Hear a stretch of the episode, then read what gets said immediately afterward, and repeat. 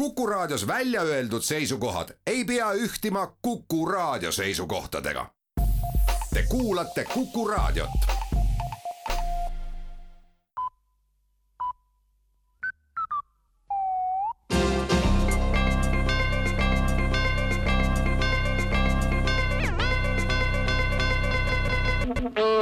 tere kuulama uudiseid stuudios Rohke Debelak. Valitsus annab teada, et kõrged energiahinnad on paratamatus, samuti on paratamatus hooldekodude olukord ja õpetajate, päästjate ja politseinike madalad töötasud. ka mitmete meditsiini eriala inimeste krooniline puudus on paratamatu, kuna lähemal ajal on valitsusest mitte tulenevaid paratamatusi veelgi ees ootamas, on kõikide paratamatustega tegelemiseks tarvilik paratamatus ministeeriumi ellukutsumine uude ministeeriumisse on paratamatult tarvis töötajaid, kelledele makstav töötasu saab paratamatult olema suurem kui senised töötasud, seda on olnud, sest paratamatus on, et vastasel korral lihtsalt pole võimalik inimesi leida.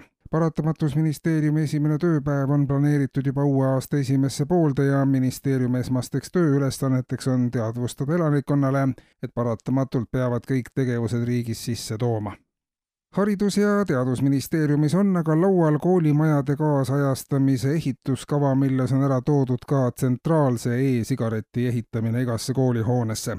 Praegu kasutavad õpilased igaüks oma e-sigaretti või on seade kamba peale ja tihti tehakse seda kusagil ruumist väljas nurga taga.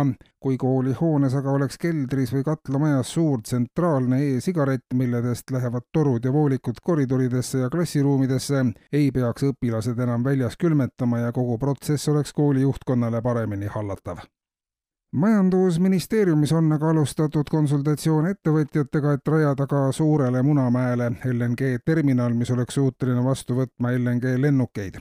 kui Eestil on olemas LNG laeva kui ka LNG lennuki vastuvõtuvõimekus, siis kunagi mingil ajal emb-kumb neist ikka Eestisse tuleb ka arengud LNG vallas on kiired ja nagu näha ka ettearvamatud ja see annabki soodsa pinnase maailma esimese LNG lennuvälja rajamiseks, lisab ministeerium teates ja välismaalt.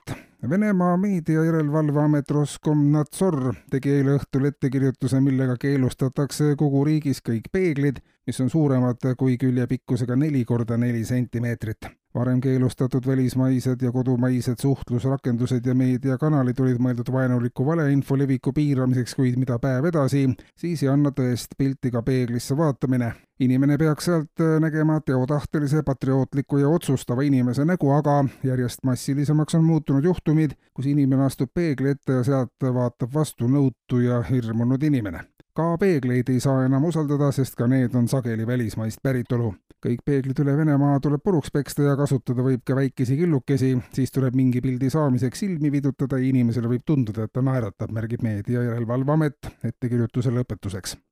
Ja tagasi kodumaale. tehnilise Järelevalve Amet soovitab valimiseelsel perioodil inimestel oma nutiseadmeid, kaasa arvatud telerid, viia keemilisse puhastusse iga nädala tagant mida lähemale valimistele, seda enam soppa ja saasta seadmetest läbi käib ja vastavaid puhastusprogramme, mis sajaprotsendiliselt töötaksid, veel pole.